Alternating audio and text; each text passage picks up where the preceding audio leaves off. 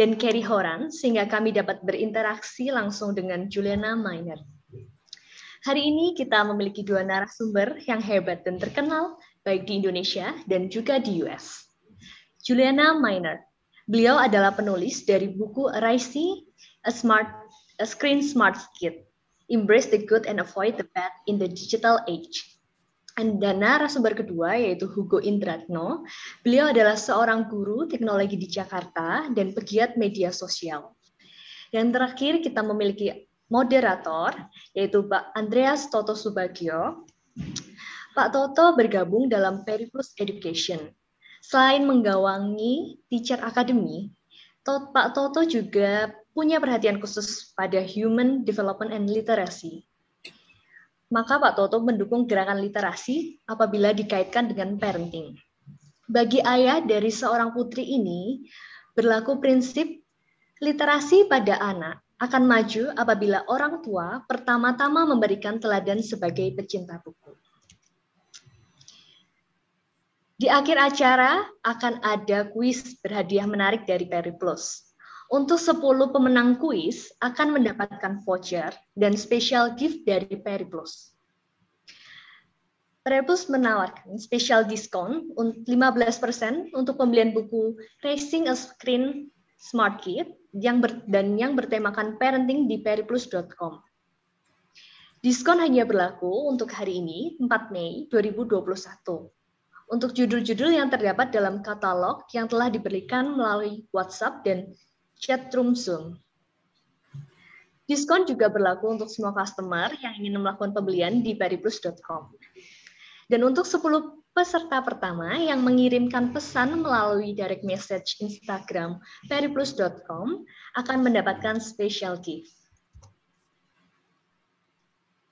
Oke. Untuk waktu dan tempat saya berikan ke Pak Toto. Silahkan Pak Toto.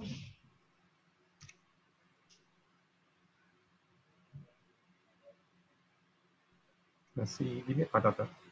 Maaf, masih kemute Pak Toto. Terima kasih Mbak Puspa untuk kesempatan yang diberikan dan telah membuka acara ini. Terima kasih juga untuk kehadiran kita semua. Selamat sore dan salam sejahtera. Tidak berlama-lama, izin saya akan share screen untuk membawakan apa yang menjadi bahan diskusi kita pada sore hari ini. Sekedar pengantar umum, Judul kita adalah seni parenting di era digital. Mohon maaf, apakah sudah bisa tampak? Sudah. Sudah, Pak. Oke, terima kasih.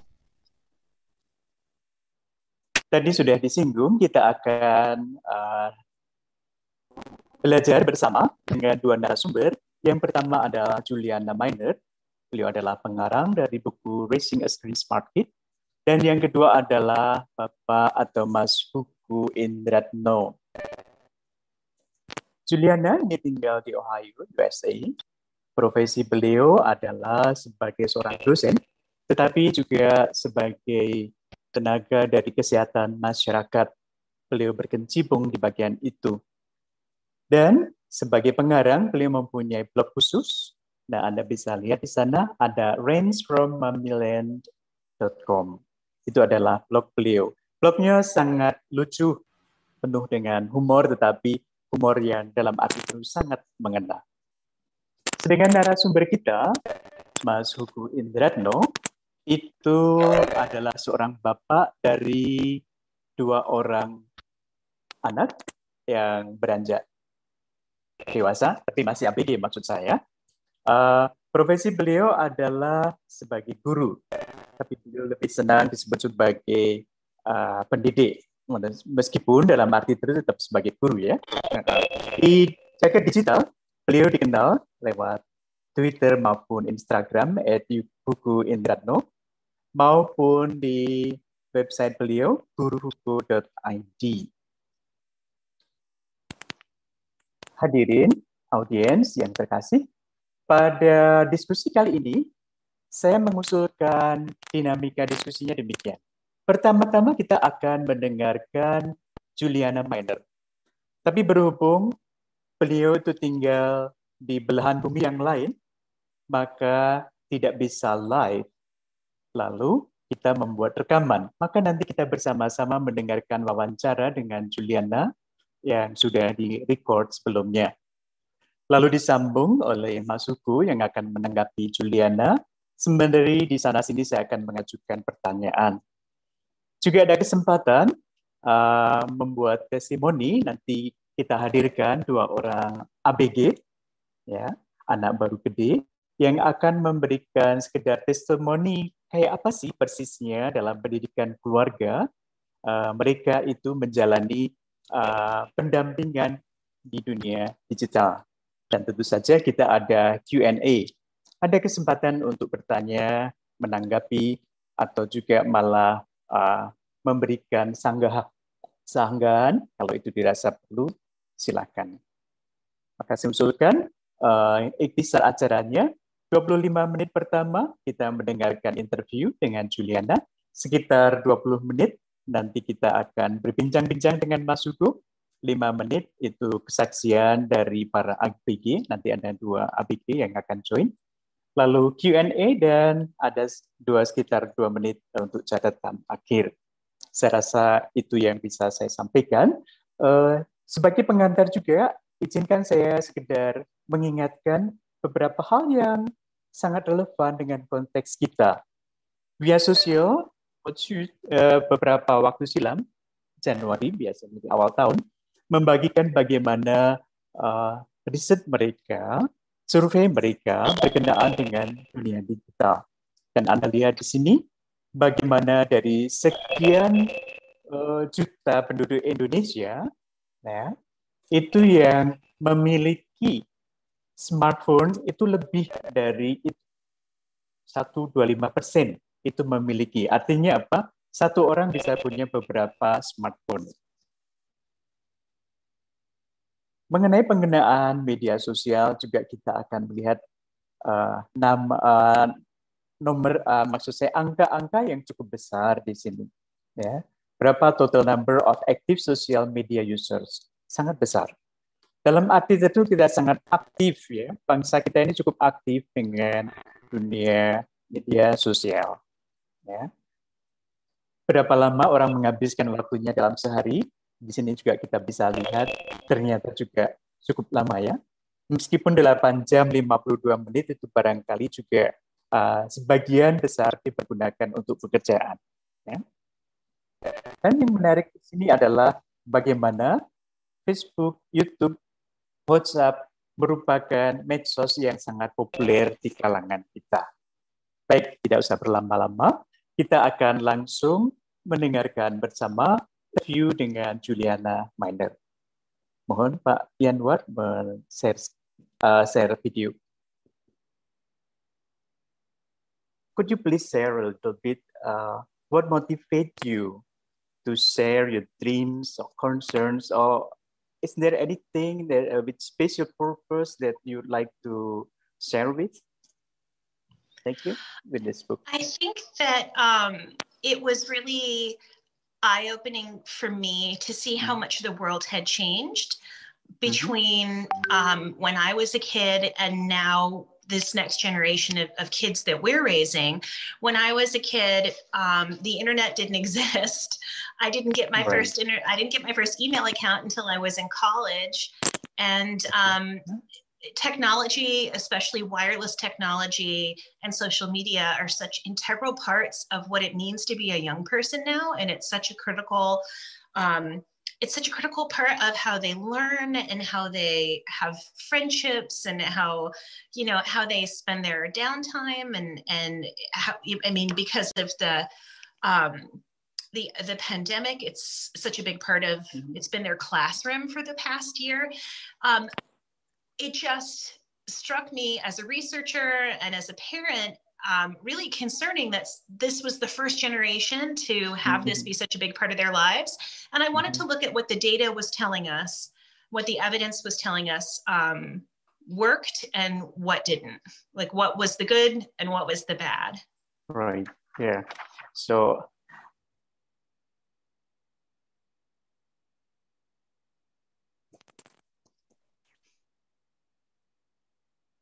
Suara tidak terdengar ya.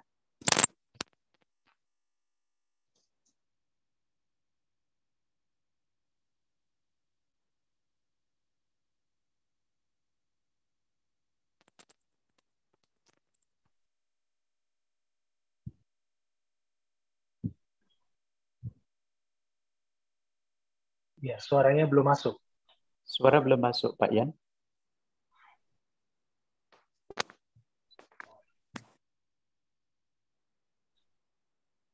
Some people say a long time ago that, well, some people was born with silver spoon on their mouth, right?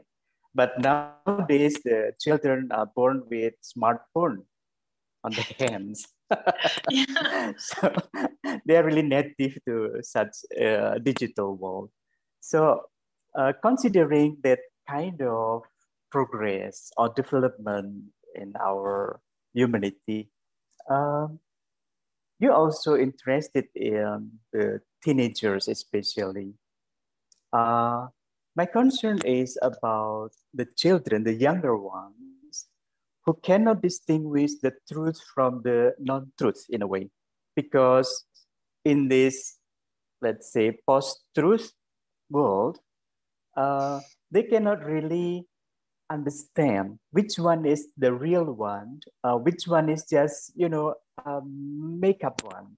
Like you mentioned in your book about that Down syndrome, uh, the children only only see the dog is smoothing, uh, smooth leading in on the on the lake, for instance, but uh, they don't really understand.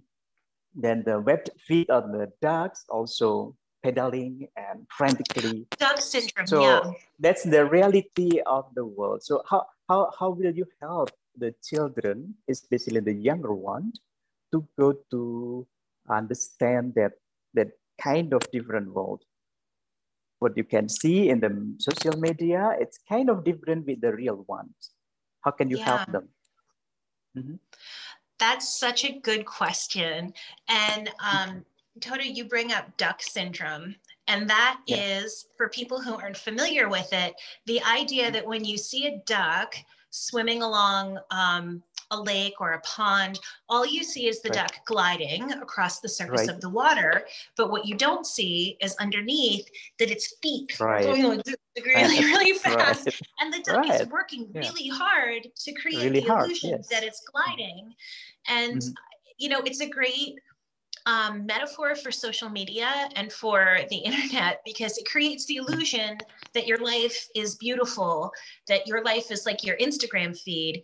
When in reality, no one's life is like that. You know, everyone has Exactly. to do their laundry, everyone has to clean up after themselves, everyone has bad days. Mm. And Mm. um, it can really create the illusion not only that everyone else is life is easier and better and happier for everyone else, but also it can create um, a conflict between what they think their own life should be and what they're portraying it to other people, and then what it actually is.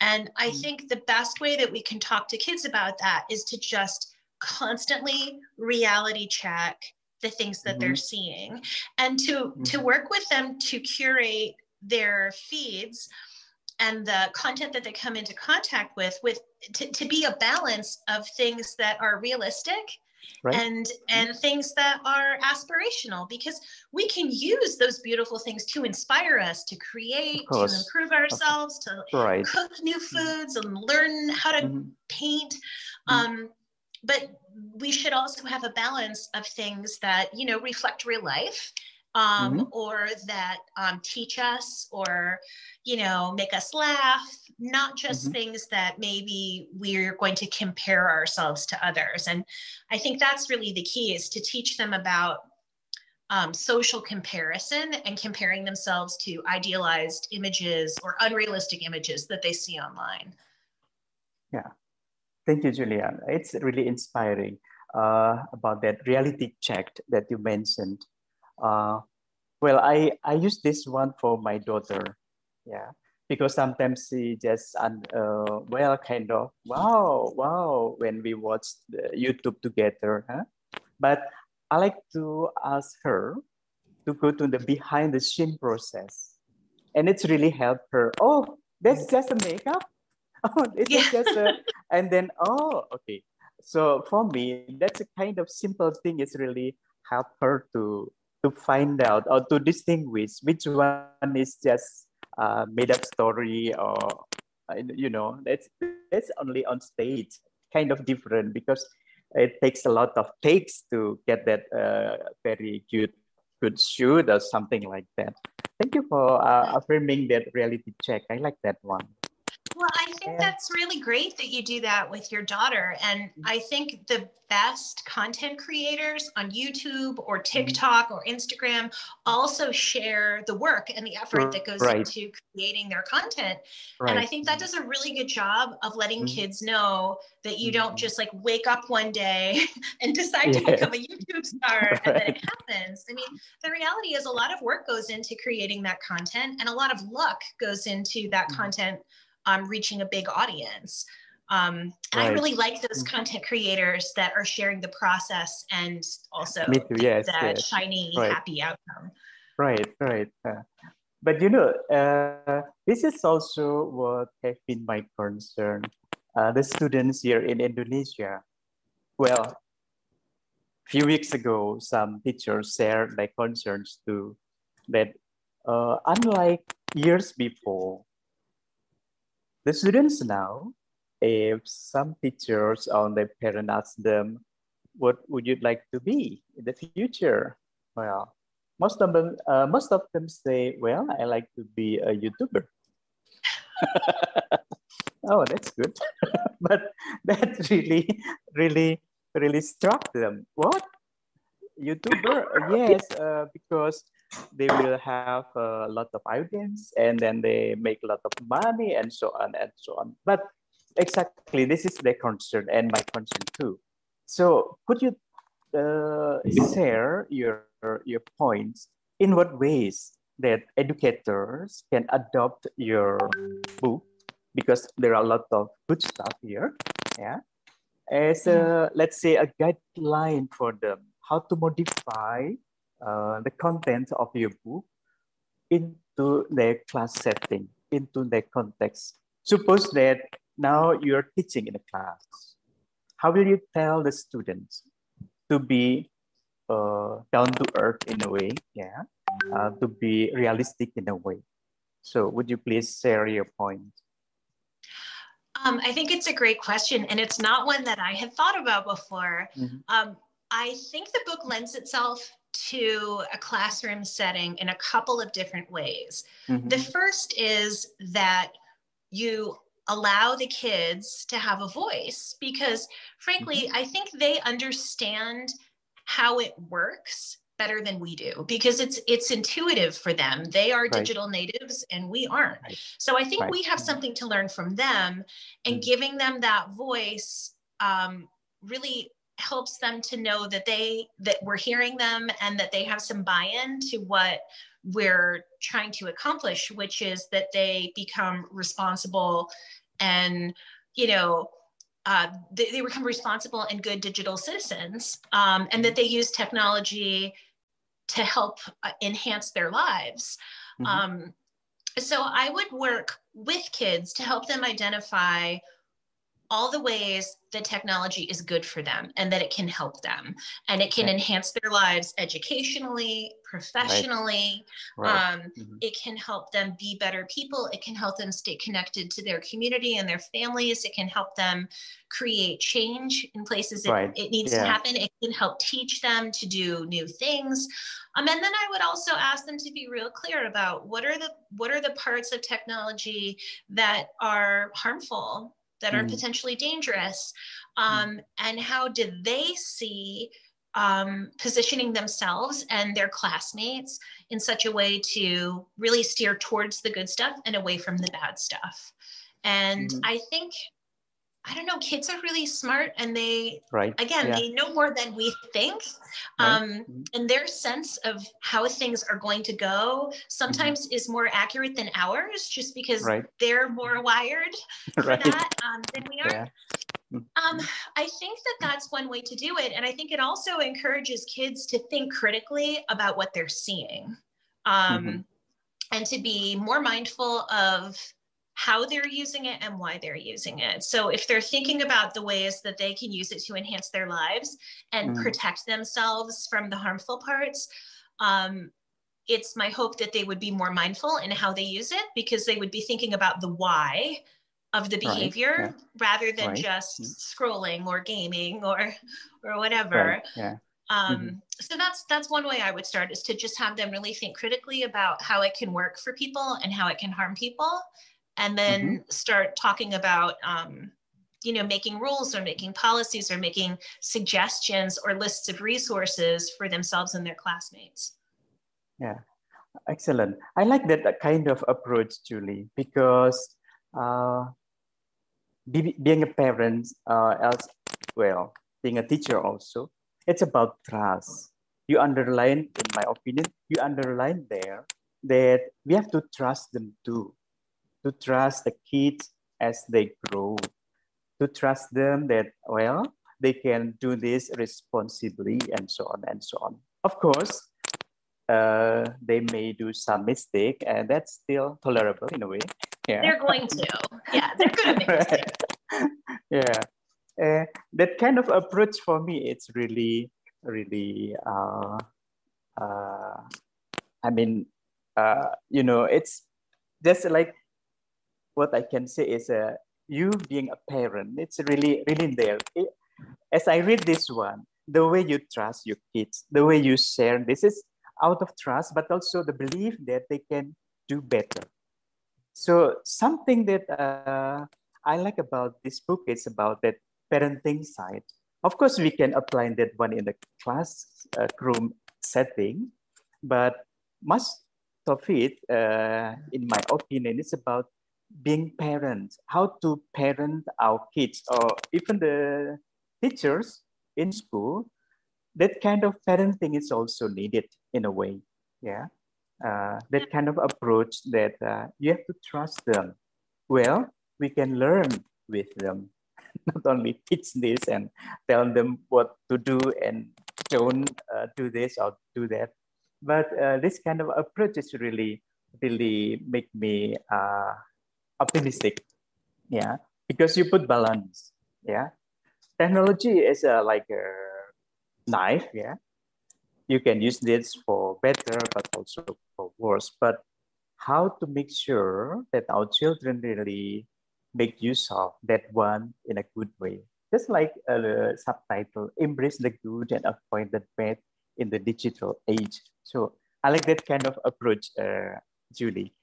Uh, can you explore more about this? analogy. Mhm. I love your analogy about it being a knife. And it, Mhm. a knife can be a tool or Right. it can be something that's causes a lot of destruction and harm. Right, right. And yeah, the best way to trust your child with a knife is to teach your child how to use the knife exactly. and Mhm. observe them using it and give them the freedom to try it out under circumstances that are safe. Mhm. And then when they've earned the right to use the knife, Mhm. let them use it. you know, let them right. use it Mhm. carefully. And Mhm. over time, you have to have faith that if you've taught them how to use the knife and you've Mhm. given them slow, incremental freedom to use it when they're not being observed, Mhm. then they're going to use it for the right reasons. Um, Right.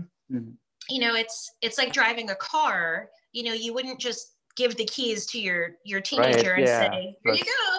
You Yeah. safely and you have to go through the process of getting a license and you have to make Right. sure that they're not um Mm. you know it's it's not a it's not a quick process it takes a while for them to earn that Mm. freedom but once they have it um, i think it's good for them to know that you trust them and that they've earned your trust and Mhm. that if they mess up and take a step backwards that they have to earn your trust back and there might be some restrictions um, Exactly. Yeah. as long as you're reasonable with them and there's Mhm. clarity and understanding you know you Mhm. should be okay. Right.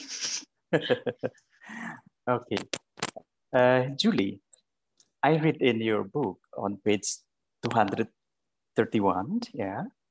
This might be the single most important suggestion in this entire book. Yeah, and then you you underline that no one should sleep with a phone in the room. And I do agree with that. But would you please elaborate this one? Because this is very, very important. And to me, this is really, uh, really relevant to our context here also in Indonesia. Could you please uh, elaborate that? Yeah, sure. Well, there's a couple of reasons Mm-hmm. Three reasons why I don't think anyone should sleep with the phone in their room, but especially kids and teenagers. The right. first reason is sleep. Mm-hmm. So uh, there's a lot of research and evidence that indicates that if you use technology, particularly a cell phone, or you mm-hmm. game, um, or use a gaming system right before bed, that it disrupts your ability to fall into a deep sleep, to reach that deep sleep that recharges us and allows us to function the next day. And that having your phone in your room, even if notifications are turned off, that it can still disrupt sleep. And there is right. a lot of evidence that suggests this.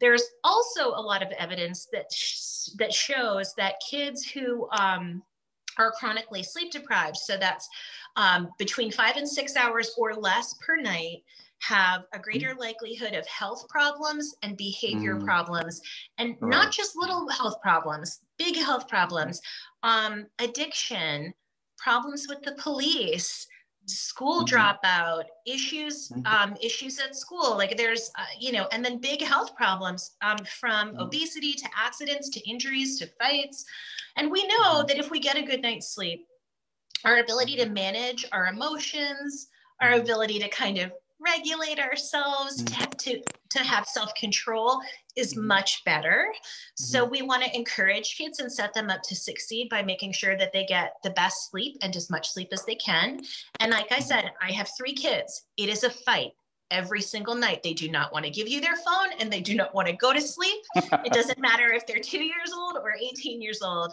right. they don't want to do it. Mm-hmm. Um, so, sleep is the first reason. Uh, the second reason is what uh, is called the disinhibition effect, which yeah. means mm-hmm. that when kids are tired, they tend to act dumb. I mean, they are they're more yeah. impulsive. Um, right. They're less out of control, something like that. Yeah, yeah. Mm-hmm. like they're less guarded in what they say. Yeah. They are um, they're not as aware of the consequences of their actions. They're more right. mm. relaxed, and they are much more likely to do something to make a mistake that mm. it could be potentially embarrassing or harmful mm. um, mm. Late at night. Yeah, so that's yeah, the second reason. And the third reason is um, what I will call grandmother logic. Ah. Okay. Oh. So my mm-hmm. grandmother would say, nothing good happens at two in the morning. Oh. so the thought is, you know, your your 12 year old does not need to be online with their friends at two in the morning. Like nothing right. good is happening at two in the morning. They should be asleep. So if right. your mm-hmm. policy would be that you're not going to let your teenager stay out late, you know, and they're not going to be able to run around town with their friends in the middle of the night, they probably shouldn't be online digitally running around with their friends in the middle of the night. Right. So those are my reasons why why mm-hmm. I uh, I think kids should not have their phone in their room. And many of the young people and families that I interviewed for the book, all of, almost all of the stories, um, unfortunately, included communication with people late at night or mistakes made late at night that you know if they could go back and do things differently they wouldn't have done Right. So yeah, yeah. it's important mm-hmm. to learn from other people's mistakes as well as your own. Right, right. Uh, I do agree with uh, your points. And related to that one, I think you also mentioned here because the technology is engineered to keep us compulsively using it, right? Because once they they do something with their uh, social media on their stuff, and then they just like being addicted to that and if that's at uh, at night during sleep time and then they just cannot stop it so in a way uh, julie because this is very important. You also mentioned in your book that technology is really really uh, keep changing right? Keep changing.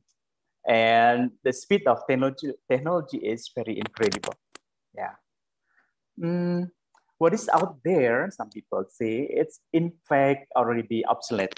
because the inventors and the manufacturers of the technology of the smartphone, for instance, just perhaps 10 steps ahead of us.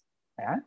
So in a way, if you have to write another book and addressing this one, this one, because in your book you also mentioned you're interested in the development of the teenagers, yeah, in a way they are not changing, but the technology, yes, keep changing. So uh, if you have to write another book with more or less uh, same concern, uh, what would it be if you have to make another one? Mm-hmm. Um, I think it would be about balance, finding balance, balance because I think uh, COVID has uh, really, the pandemic has really made us all even more reliant upon technology mm-hmm. for our jobs, for school, for our connection with our families and friends while we social distance. And while I hope that we mm-hmm. will, you know, we are we are moving toward the future and, and away from the experiences of the past year, I mm-hmm. think that what it really throws into very clear perspective is our need for balance between what is happening in our real life and what is happening um, with our use of technology and how we can make sure that we continue to use technology to work better, learn better, connect mm-hmm. better, but we also make sure that we are present with our friends and our family and our in our environment in our home as much as mm-hmm. we can it's just mm-hmm. the amount of people that are streaming content that are looking at their phones constantly that are staring at screens constantly that we are so much more dependent upon technology now than we've mm-hmm. ever been and right. i think it would be really important to look at how we can keep balance as much as possible. So um, you do that, right? I mean, I'm expecting that you write another book too.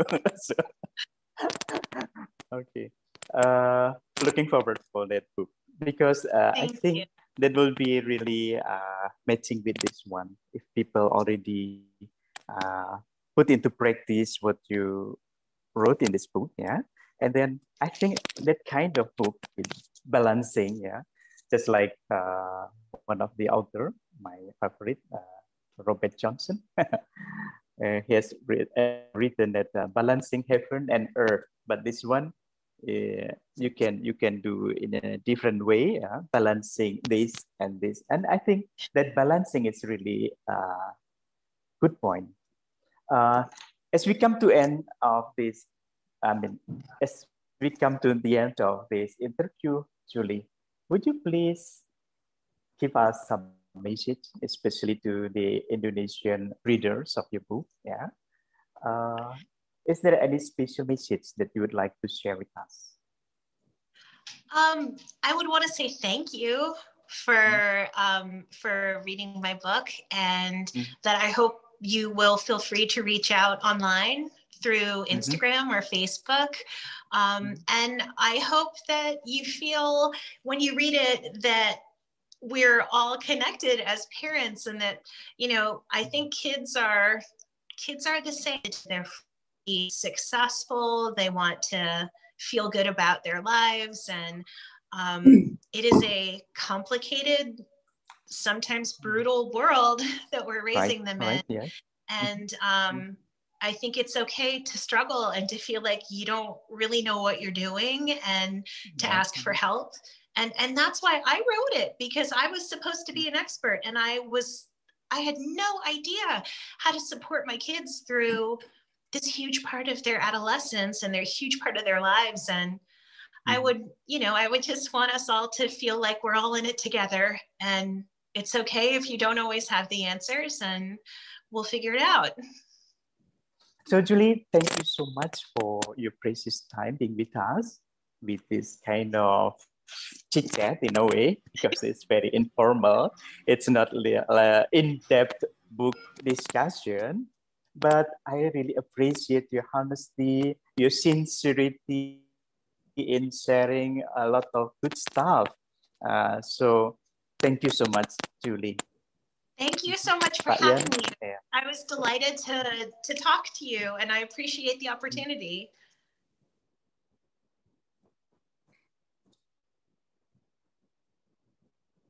Baik, terima kasih. Demikian tadi interview dengan Juliana Miner. Dia adalah pengarang dari buku Racing a Screen Smart Kid. Ya. Buku ini memang ditulis lebih karena concern Juliana terhadap bagaimana sih mendampingi para remaja, para ABG.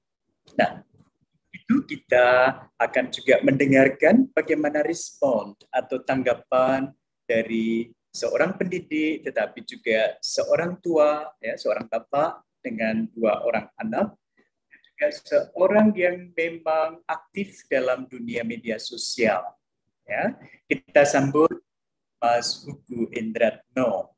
Silakan Mas Hugo. Eh, ngobrol ringan saja ya Mas Hugo ya. Mohon maaf masih mute Mas Hugo. Iya. Terima kasih Pak Toto. Selamat sore teman-teman semuanya. Betul. eh, tadi waktu wawancara Julia dengan Pak Toto tadi, saya langsung ya istilahnya apa ya? Seperti berkaca begitu ya. Seperti eh, bercermin. Nah, karena itulah saya buat semacam ya semacam untuk kita melihat bersama semacam uh, kaca benggala begitu ya bercermin dalam masa menjadi orang tua. Uh, saya kasih kaca benggala ini karena memang kita bisa melihat dan berefleksi dan uh, istilahnya apa ya kita bisa menimbang-nimbang.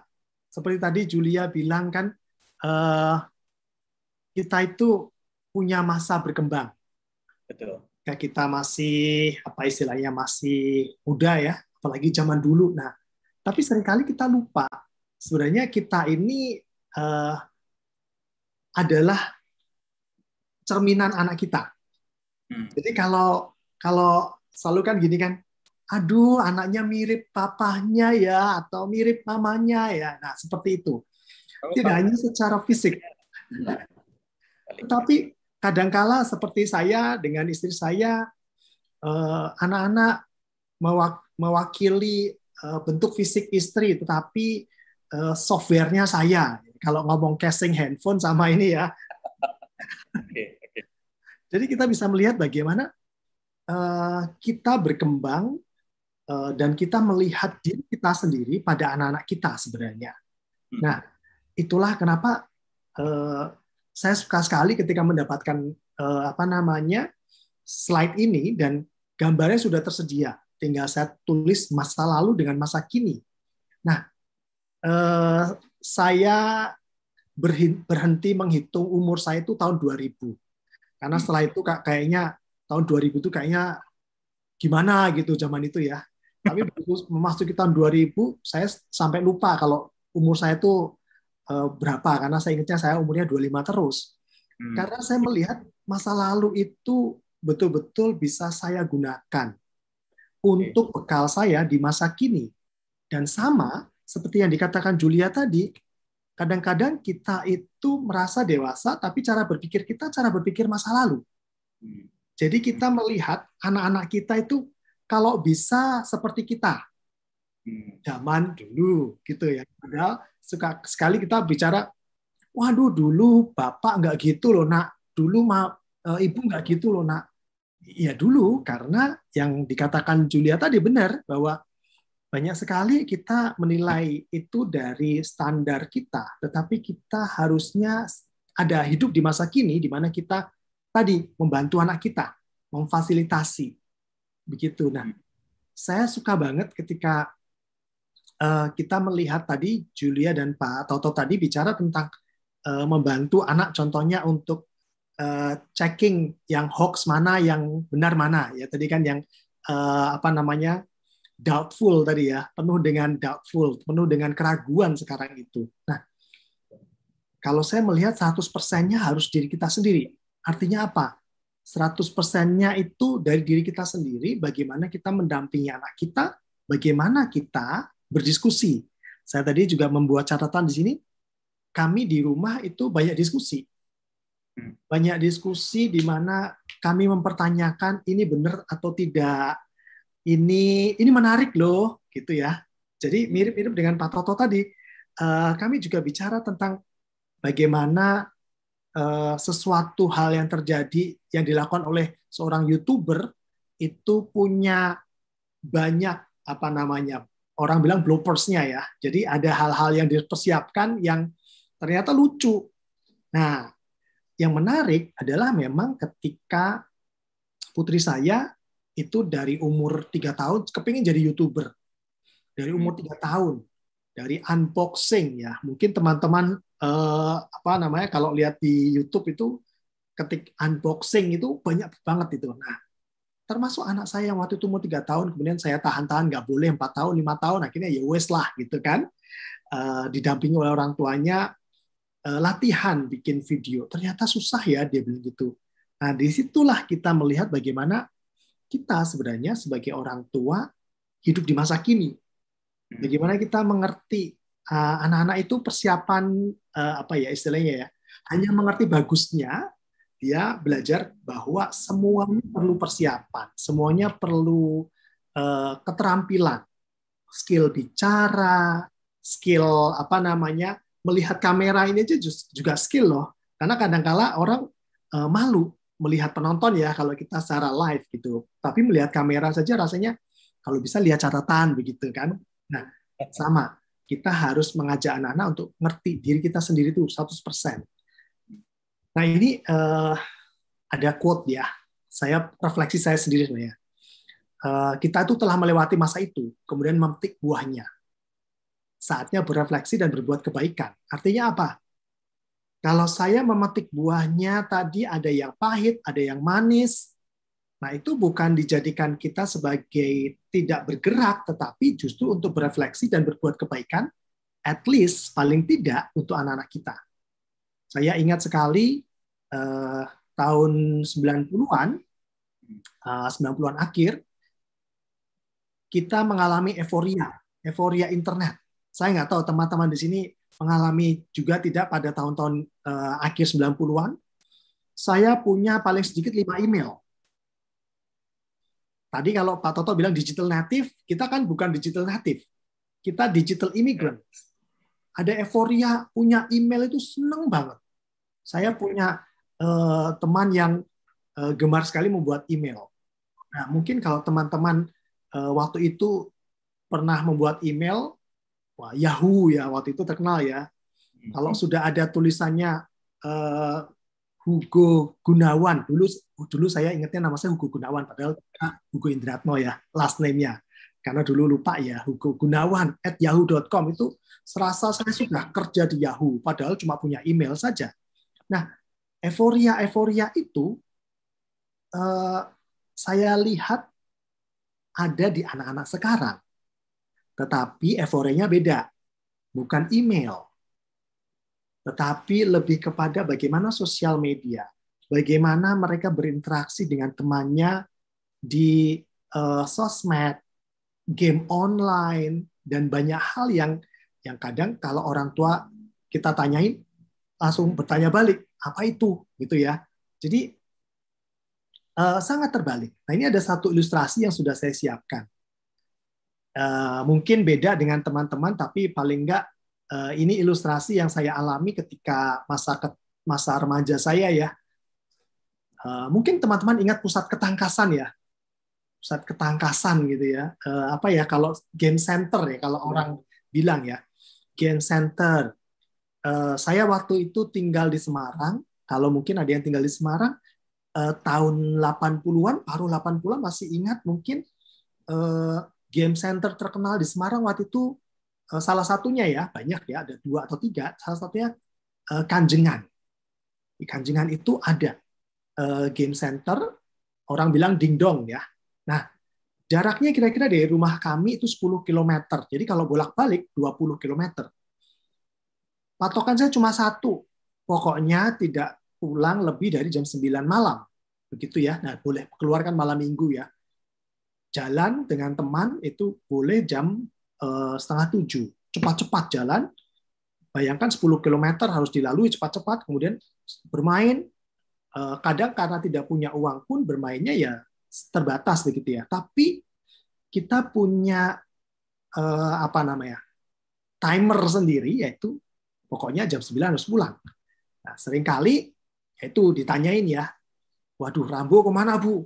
Wah tadi nggak pamit, coba aku tanya-tanya gitu. Nah orang tua selalu merasa oh, anaknya di mana ya itu dulu ya. Jadi mereka mencari-cari kita, tapi tahu kadang-kadang kita pamit tapi nggak jelas ke mana begitu. Mungkin bisa pamitnya ke lokasi A tapi kemudian ke lokasi B begitu. Nah ini ini yang yang yang beda.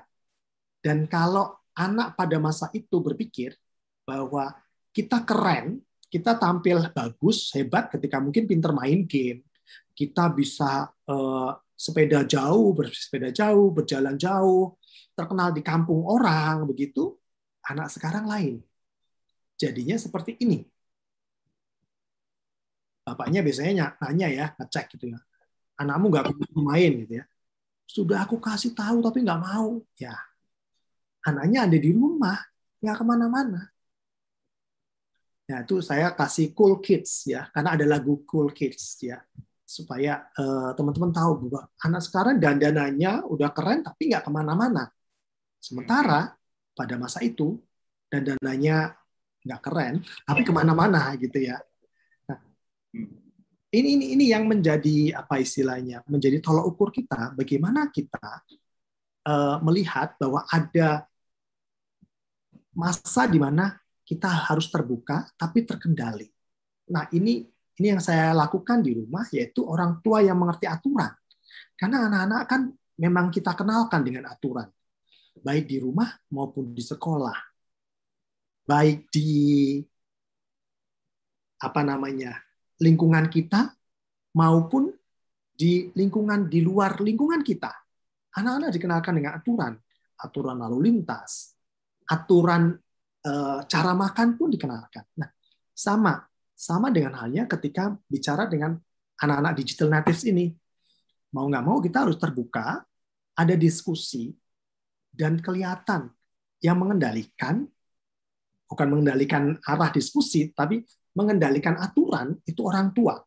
Nah, untuk mengendalikan aturan ini tidak mudah, karena artinya kita harus punya komitmen ya kan?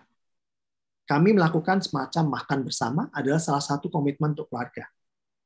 Tidak ada hmm. hubungannya dengan anak-anak digital native gitu ya kayaknya, tapi ternyata dari situ kita cara ngobrol begitu eh, anak-anak melihat betapa orang tuanya terbuka.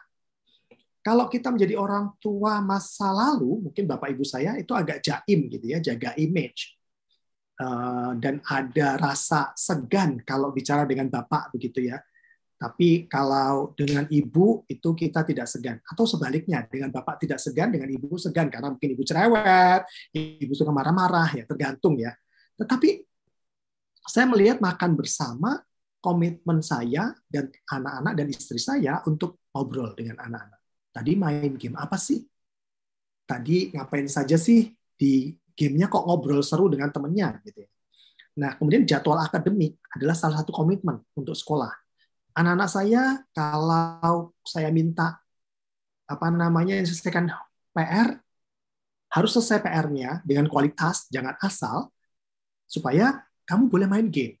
Nah, itu kadang-kadang membuat anak-anak, oh boleh ya, oke, okay, tapi ada tanggung jawabnya. Dan gamenya pun dibatasi, waktunya, durasinya. Satu jam ya, setelah itu selesai.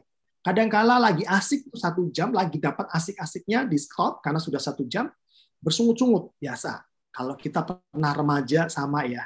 Nah, teguran dari orang tua itu bisa menjadi suatu hal yang bagus untuk anak-anak.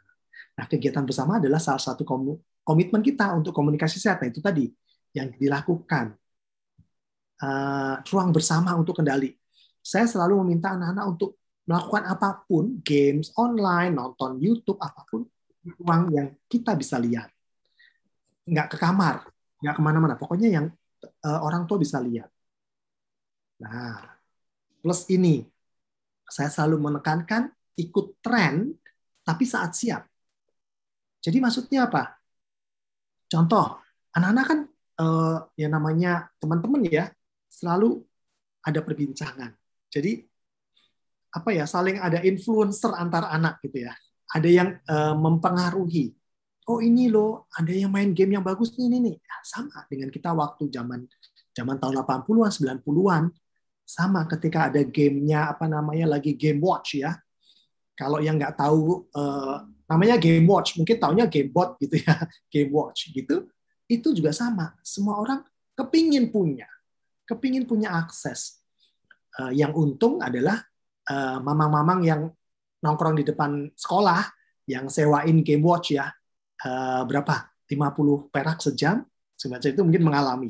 Nah, sama ikut trennya harus saat siap.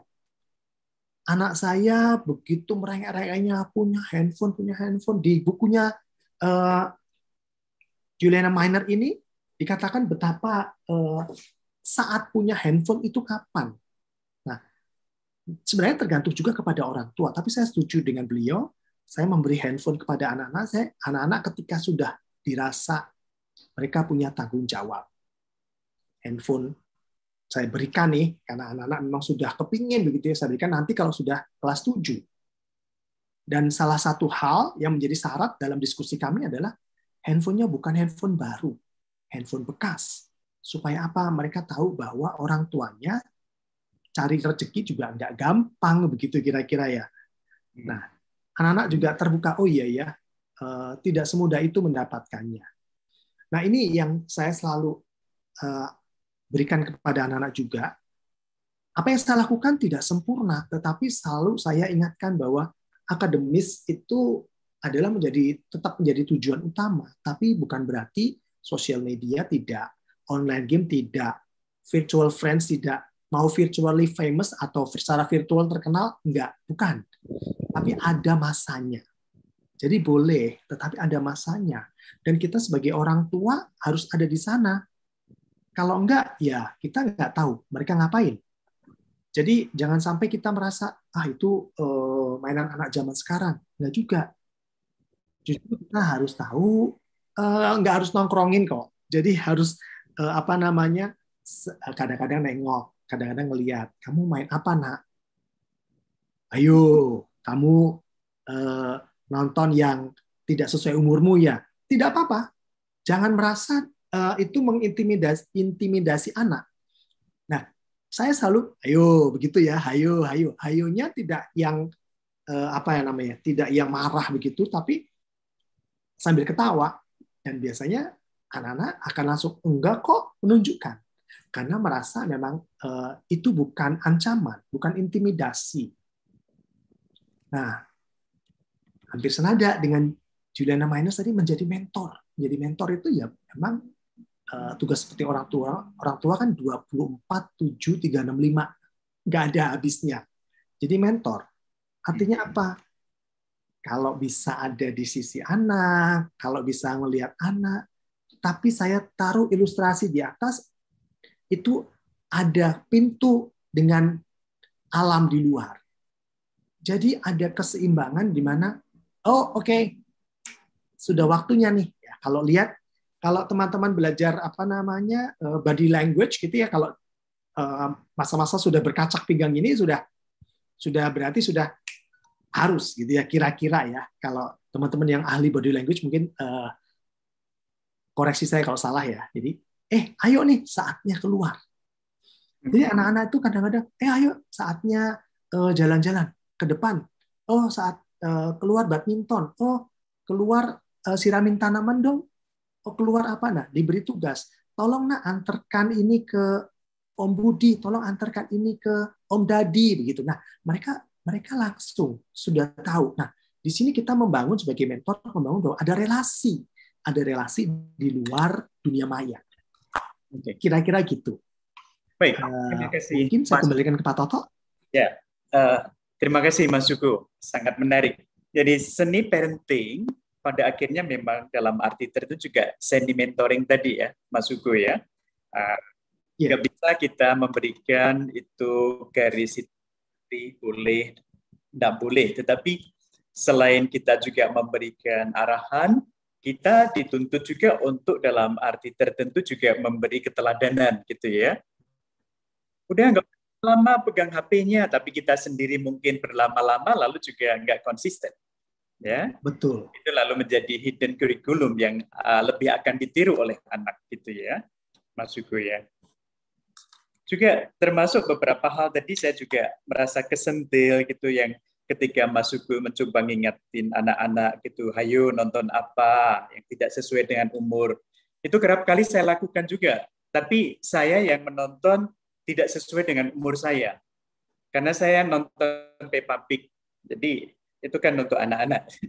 Terpaksa saya ikut nonton anak saya bagaimana uh, Peppa Pig ternyata juga ada unsur-unsur yang kami bisa diskusikan ya dalam arti tertentu.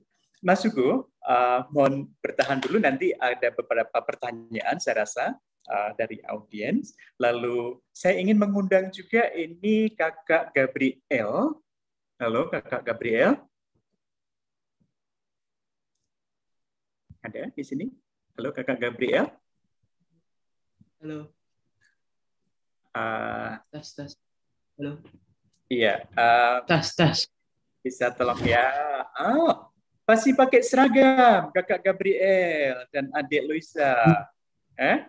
Oke, boleh perkenalan sebentar. Kakak Gabriel sekolah di mana, kelas berapa, lalu adik Luisa? Uh, aku kelas 1 SMP.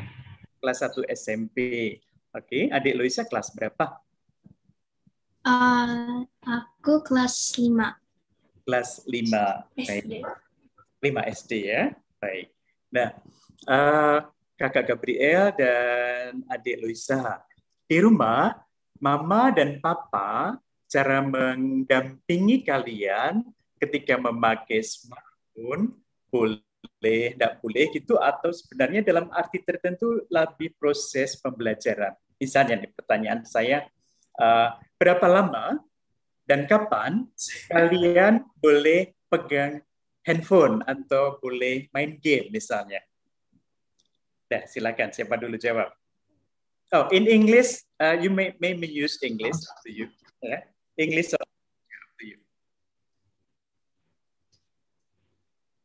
Ya, uh, bahasa Inggris saja. Okay. Um, so our mom and dad usually lets us play in certain times or for a certain period of time. Mm-hmm. Um, for example, as my dad already said, um, after we finish our homework with quality, we can do screen time. Usually, it's until 3.30 until 5 so that's uh, one and a half hour. Right yeah, so, yeah. Mm-hmm. good. Mm-hmm. kind of lagging hello.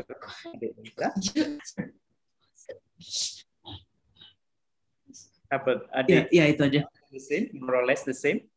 From 3.30 to 5 okay. Okay. Now, usually, what do you do during that uh, screen time? Do you play game or do you do something else?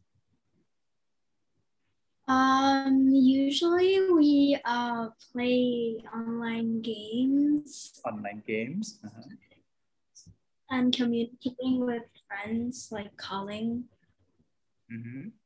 Is there any special game that uh, that's been your favorite?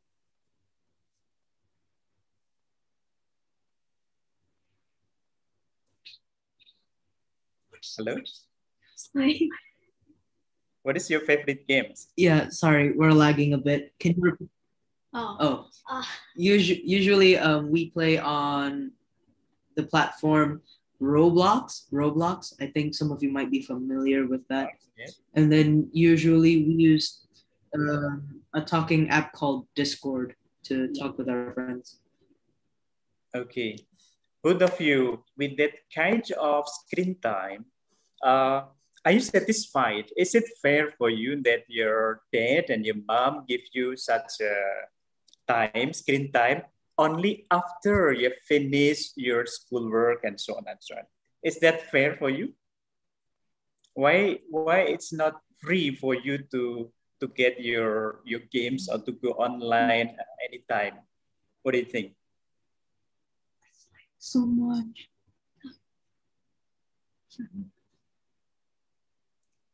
It's kind of lagging. Hello. Yes, Yeah, it's really it's lagging. Yes, hello. It's really lagging. Sorry. Okay. Sorry, we're using upstairs Wi-Fi. It's really lagging. Okay. Uh, so do you think the way your dad and mom uh, give you such a screen time is fair enough for you both?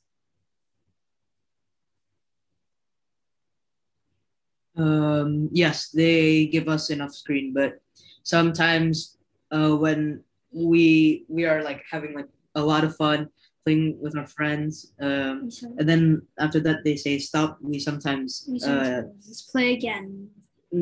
play again Yeah. or argue argue Yeah. about Mhm. But usually, uh, who won the game? I mean, uh, did your dad or mom and then say, okay, you can continue 15 more minutes, or and then you just follow their rule? Okay, mom and dad, it's already time, yeah, time is up, and then you just say, okay, next time I will do another thing. Which one? Uh, sometimes they give us bonuses, sometimes they don't. So, yeah.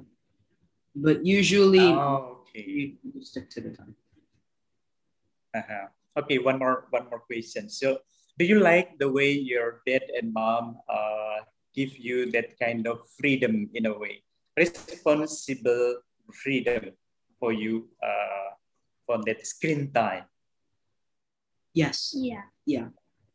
So, thank you so much, uh, Kakak Gabriel and Adik Luisa for your your your sharing. Yeah, you have screen time only after uh, something that you have already done. Yeah. Okay. Yep. Thank you so much. Thank you so much. Yeah. Oke, Mas Hugo, eh, kembali ke Mas Hugo.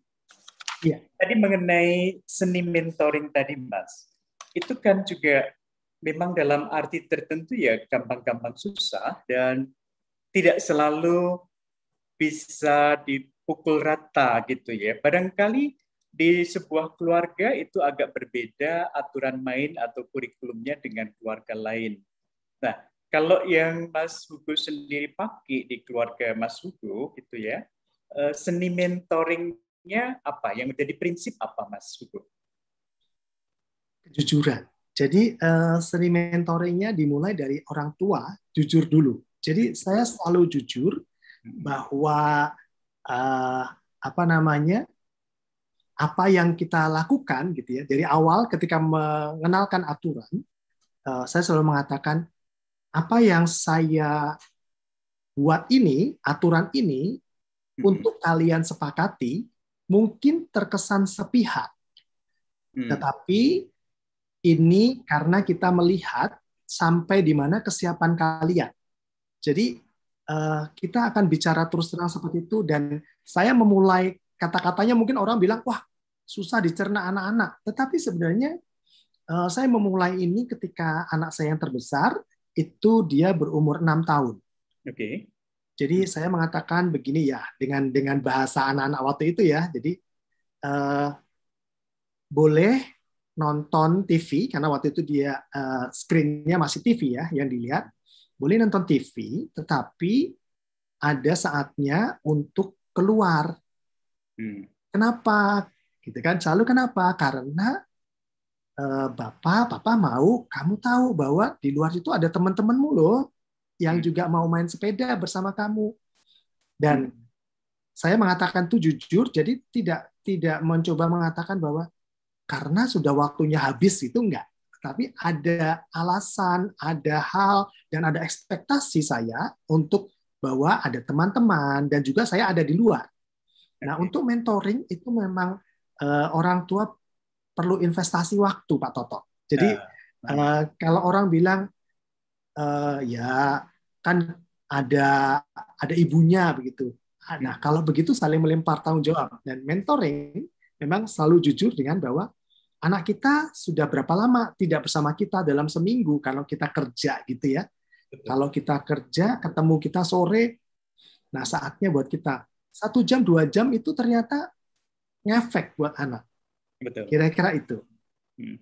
Jadi akhirnya kejujuran pun juga mesti kemudian itu diterjemahkan dalam bentuk quality time bagi uh, satu keluarga ya uh, bersama Betul. anak bersama juga dengan pasangan. Uh, kalau tadi itu kan misalnya kesempatan untuk anak-anak bermain di luar itu kan mungkin waktu itu masa sebelum pandemi ya. Nah, sekarang ketika masa pandemi gini bagaimana menyeimbangkan tadi itu antara kegiatan uh, dengan smartphone dengan kegiatan fisik barangkali ya fisik maupun di luar ruangan, di luar rumah. Gimana itu, Mas Suku?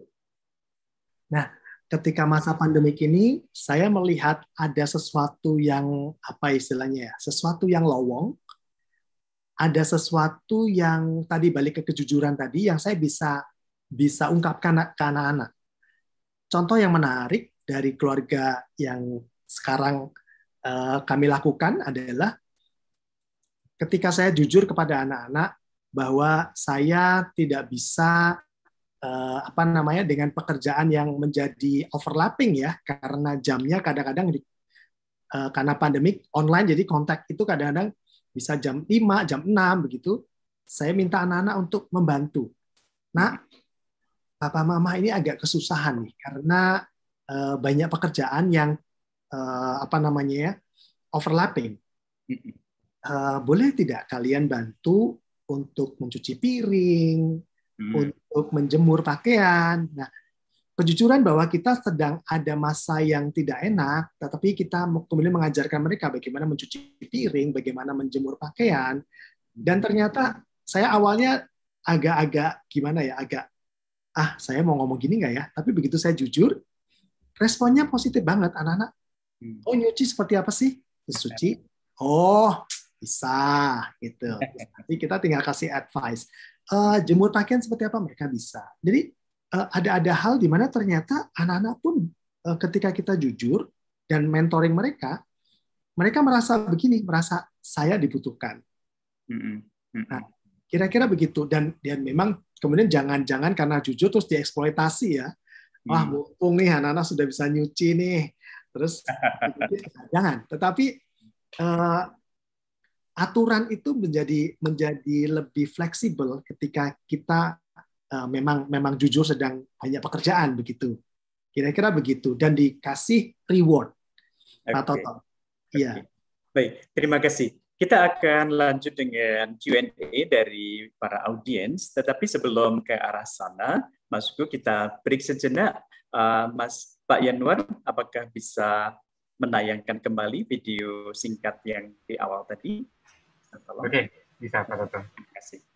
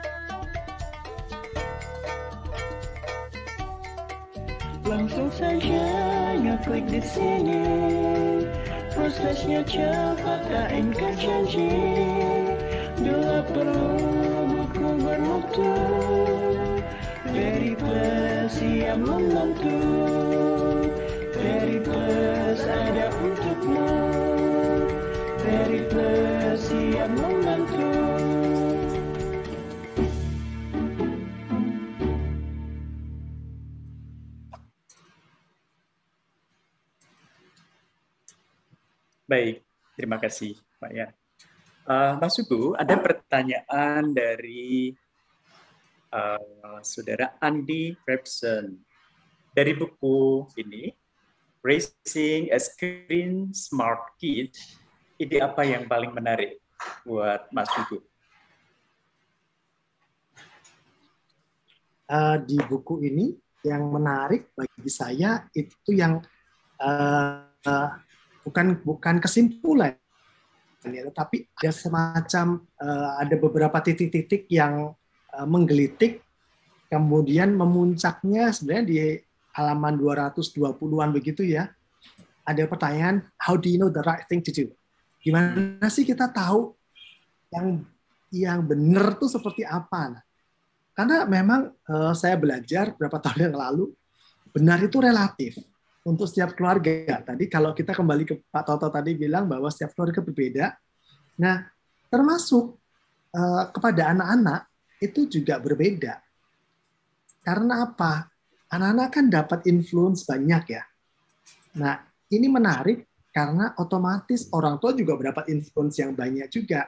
Sebenarnya ketika kita mau benar itu adalah ketika kita bisa mendengar apa maunya anak, dan kita bisa me, apa namanya mencari selahnya, mencari celahnya bahwa oh maunya apa. Karena saya melihat di sini uh, Juliana Miner betul-betul di halaman 21 ngomong every kid is different. Setiap anak itu berbeda, even with the same family. Saya bingung loh, Juliana uh, Juliana Miner ini jangan-jangan orang Jawa ya. Karena orang Jawa filosofinya juga gitu. apa satu, satu induk satu induk beda-beda isinya. Jadi saya langsung ter, tergerak gitu ya. Oh iya benar. Jadi memang seperti ke Gabriel dan kepada Luisa, cara bicara saya pun beda. Cara pendekatannya beda. Cara mendengarkannya beda. Kira-kira begitu. Itu yang take away saya dari buku ini. Oke. Sementara kalau ya secara pribadi dari buku ini uh, ada banyak good stuff di sana ya. Tetapi saya lebih senang dengan cara Juliana itu share itu betul-betul sebagai seorang mother di sana itu. Jadi memang dalam arti tertentu betul-betul keluar dari hatinya ya. Coba saja uh, satu hal yang buat saya itu sangat mengena ya. Let let's focus more on our kids and less on their phones and social media accounts. Jadi fokusnya dalam parenting itu akhirnya adalah anak sebagai subjek, ya, yang mesti diorangkan dan didekati sebagai pribadi. Bukan pertama-tama soal handphonenya boleh, tidak boleh dan semacam itu. Bahwa kemudian dalam uh, aturan main seperti yang masuk terapkan dalam keluarga itu ada keterbukaan komunikasi. Nah, hmm. poin itu yang oleh uh, Juliana di garis bawah. Komunikasi mengandaikan tadi kejujuran ya. Kalau Ini Wahyudi boleh tanya, terus udah lanjutin. Ya, ada ada otentisitas di sana. Bagaimana kita bisa apa adanya menyampaikan sesuatu kepada anak dan anak mencoba dengan keterbatasan mereka gitu ya memahami concern maupun impian dari orang tuanya kemudian mencoba mempertemukan itu. Ya, seperti diseringkan Mas Hugo tadi, ketika anak akhirnya juga tahu bagaimana itu mencuci atau menjemurin pakaian, aha, itu menjadi pengalaman luar biasa juga buat anak. Atau kalau anak saya minggu yang lalu itu boleh pertama kalinya ikut menggoreng sesuatu dengan kompor menyala gitu ya, tentu dengan pendampingan, itu senangnya luar biasa. Baik, masih ada beberapa pertanyaan yang muncul, uh, Mas Hugo. Uh, menurut Mas Hugo, bagaimana menghadapi anak yang memang keras kepala dan tidak ingin diatur dengan aturan yang ada? Mereka cenderung bergerak dengan aturan yang mereka buat, maksudnya mungkin buat sendiri, namun aturan yang dibuat terkadang tidak sesuai dengan orang tua. Nah, bagaimana ini? Ini barangkali juga bisa saja terjadi ya, terlebih pada masa-masa ABG gini. Oke, gimana respon Mas Hugo?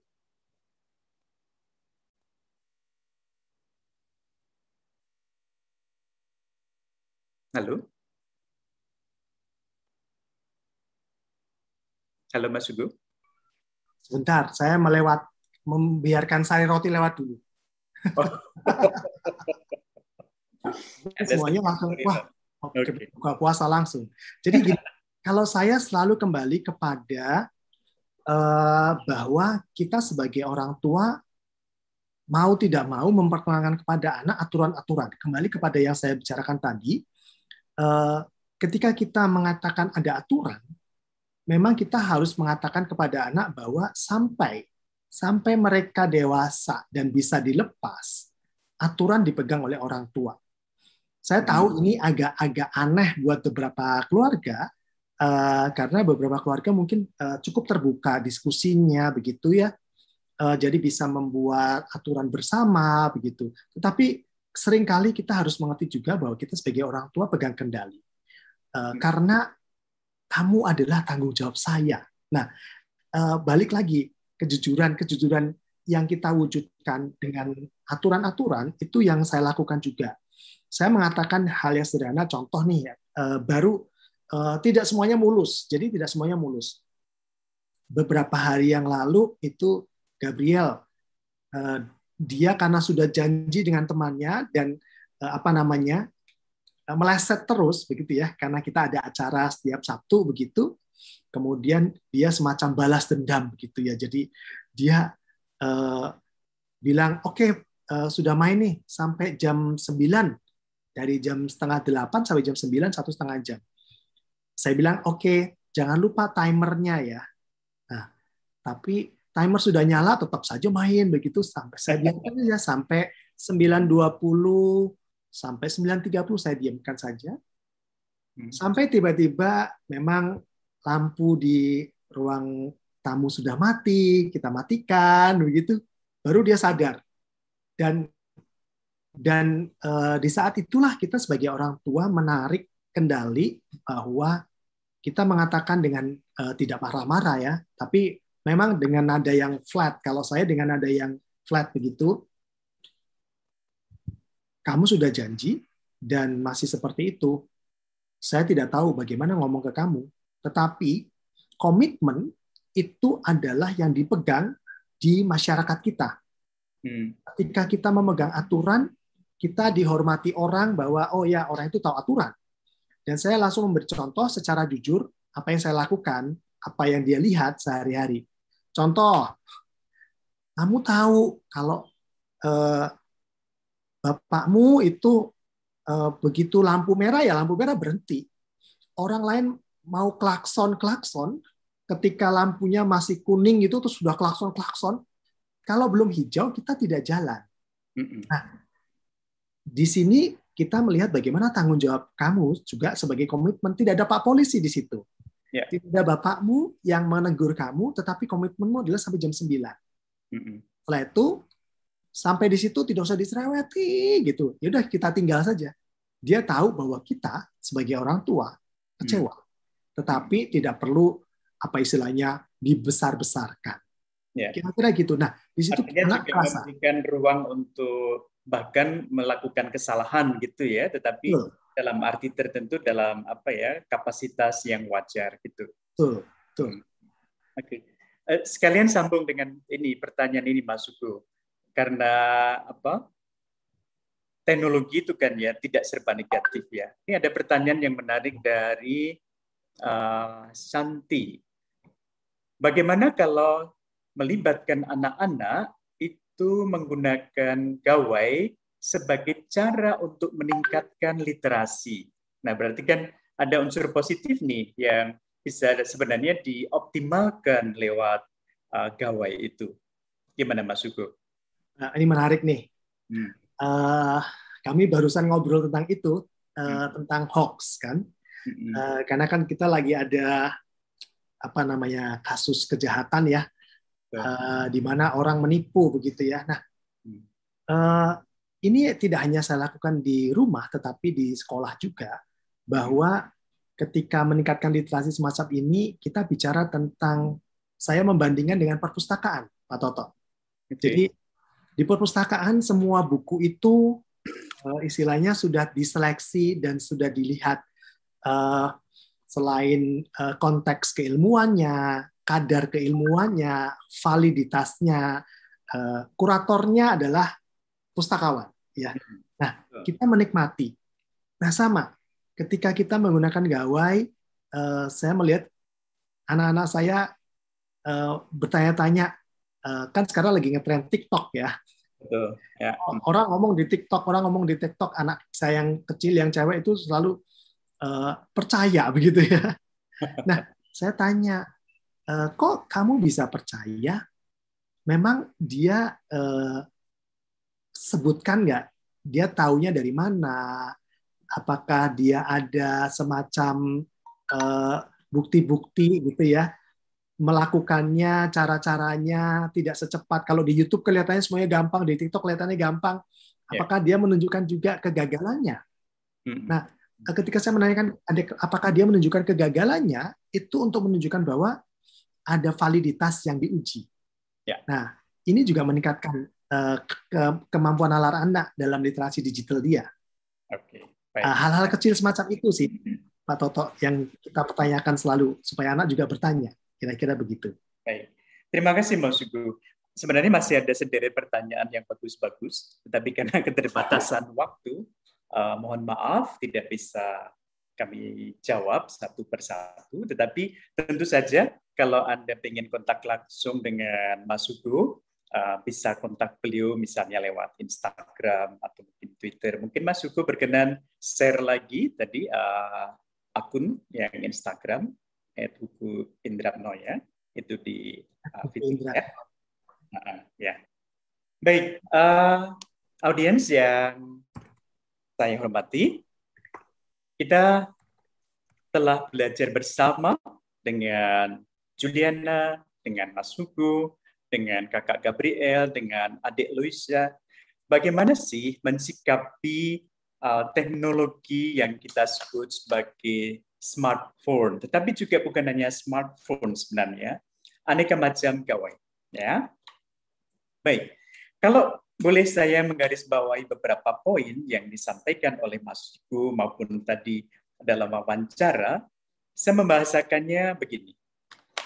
Teknologi itu tidak selamanya harus dilihat sebagai sesuatu yang harus ditakuti karena negatif. Teknologi itu juga ada yang sisi positif tetapi juga tidak selamanya serba positif. Maka ibarat pisau memang kita mesti belajar bagaimana menggunakan pisau itu sebaik-baiknya pada tempatnya. Nah, di sinilah anak-anak yang masih menggunakan atau belajar menggunakan pisau butuh mentoring, butuh dalam arti tertentu pendampingan.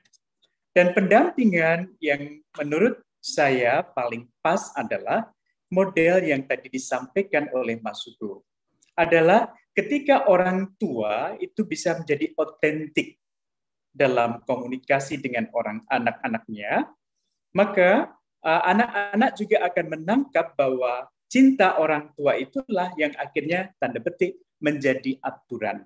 Ya, kepercayaan dari orang tua itulah yang akhirnya menjadi cara mereka berkembang. Ya, Apalagi kalau orang tua juga memberi kesempatan kepada anak-anak untuk melakukan kesalahan, tetapi dalam arti tertentu masih boleh ya dalam koridor yang baik dalam bentuk pertumbuhan atau demi pertumbuhan. Lebih kurang itu yang bisa saya garis bawahi, Mas Hugo. Apakah Mas Hugo sendiri ada satu dua kalimat yang mau disampaikan untuk audiens? Ah, mungkin satu ini, Mas. Hmm jangan takut untuk memulai jujur dan merelasikannya dengan aturan. Hmm. Uh, mulai dengan hal yang kecil, tetapi uh, pastikan bahwa kita juga terlibat di dalamnya. Baik. Jadi, seperti itu, Mas Toto. Baik, terima kasih untuk waktunya, untuk uh, kesempatan boleh belajar dari Mas Suku dengan putra putri juga. Baik, akhirnya saya kembalikan kepada Mbak Puspa dan teman-teman di belakang layar untuk quiz dan seterusnya. Terima kasih Mbak Puspa. Terima kasih Pak Toto. Sebelum kita mengakhiri acara, kita terhadap ada quiz dan quiz ini diambil 10 pemenang dan akan mendapatkan voucher dan special gift dari Periplus. Saya akan share screen.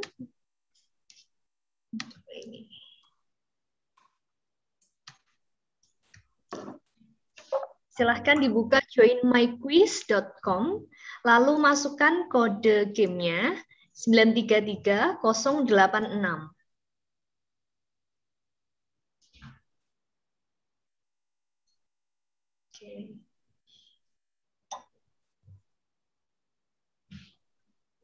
Dan pencet start.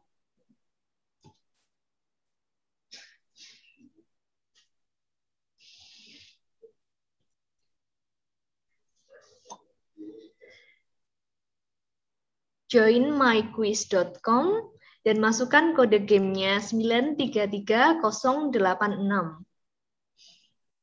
Ya semuanya berpartisipasi dalam kuis ini. Ditunggu ya.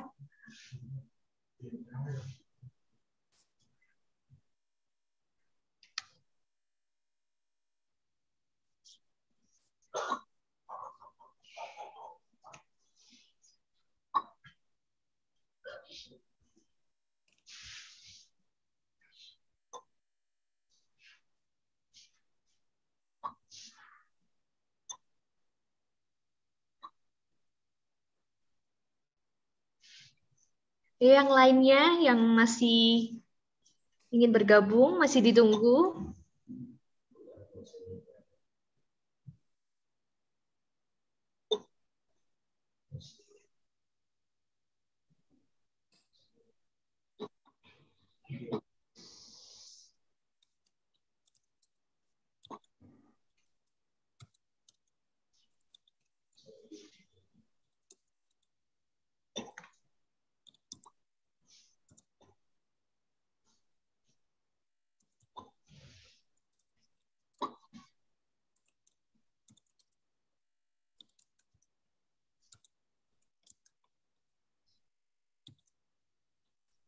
Apakah ada yang kesulitan untuk bergabung?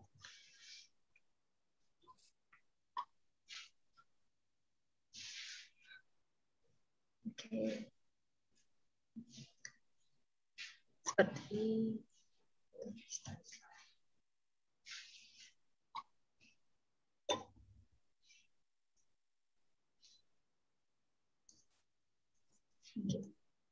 Baik, kita mulai dalam hitungan 5, 4, 3, 2, 1.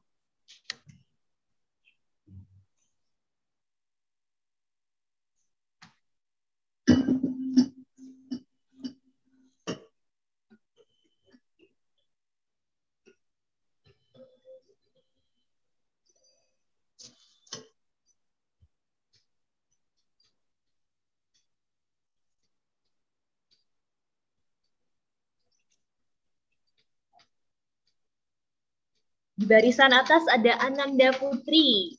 Kemudian disusul oleh Ulan. Di barisan ketiga, terus mengejar. Oke, sate panggang menduduki posisi pertama. Ada Bu Berbagi,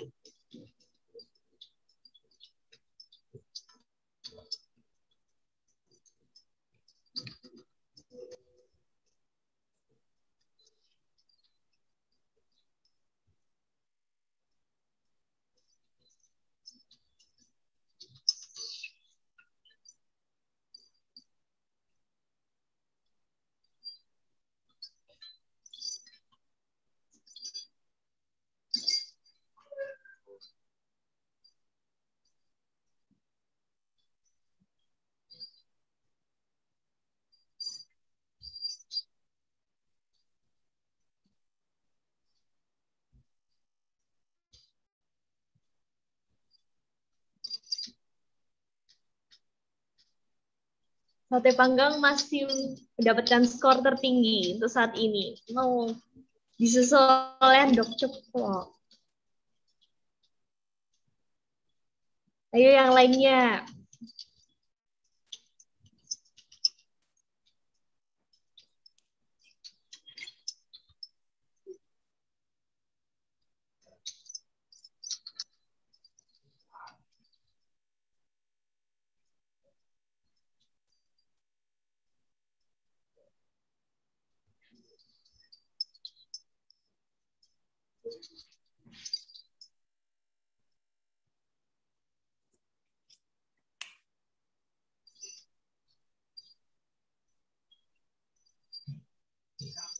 Adam Nugri, Nugroho Budi di skor tertinggi.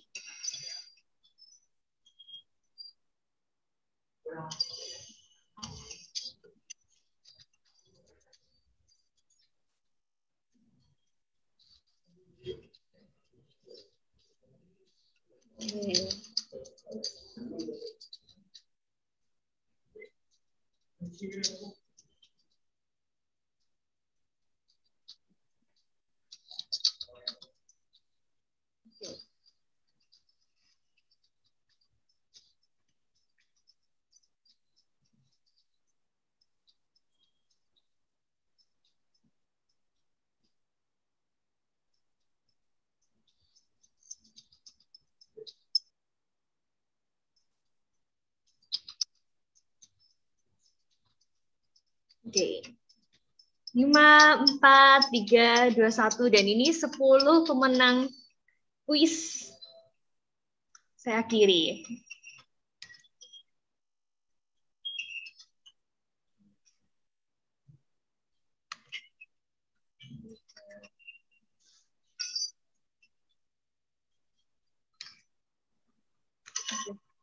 Terima kasih untuk para peserta yang sudah berpartisipasi dalam kuis ini.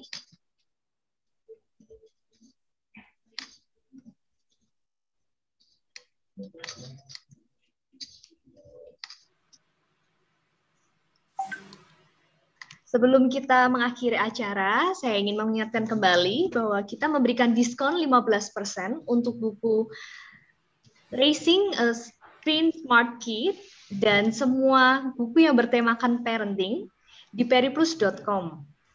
Untuk promonya hanya berlaku untuk hari ini.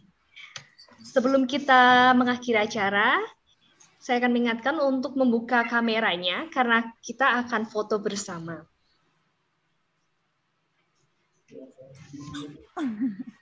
Silahkan semuanya untuk membuka kameranya. Mari Bapak Ibu dihidupkan kameranya. Oke. Bentar, oke. Satu, dua, tiga. Smile. Oke, sekali lagi. Satu, dua, tiga. Smile. Ya, terima kasih. Terima kasih semuanya atas partisipasi di acara Perpostok hari ini. Tetap jaga kesehatan dan jaga protokol kesehatan. Sampai jumpa di acara Peripustok selanjutnya. Sampai jumpa. Terima kasih. Terima kasih. Thank you. Terima kasih. Thank you, Terima Puspa, kasih. Toto. Terima kasih. Terima kasih Mas Hugo. Terima kasih Mas Toto. Thank you Thank you, so much, Hugo. Thank you. Bye-bye. Bye. Bye.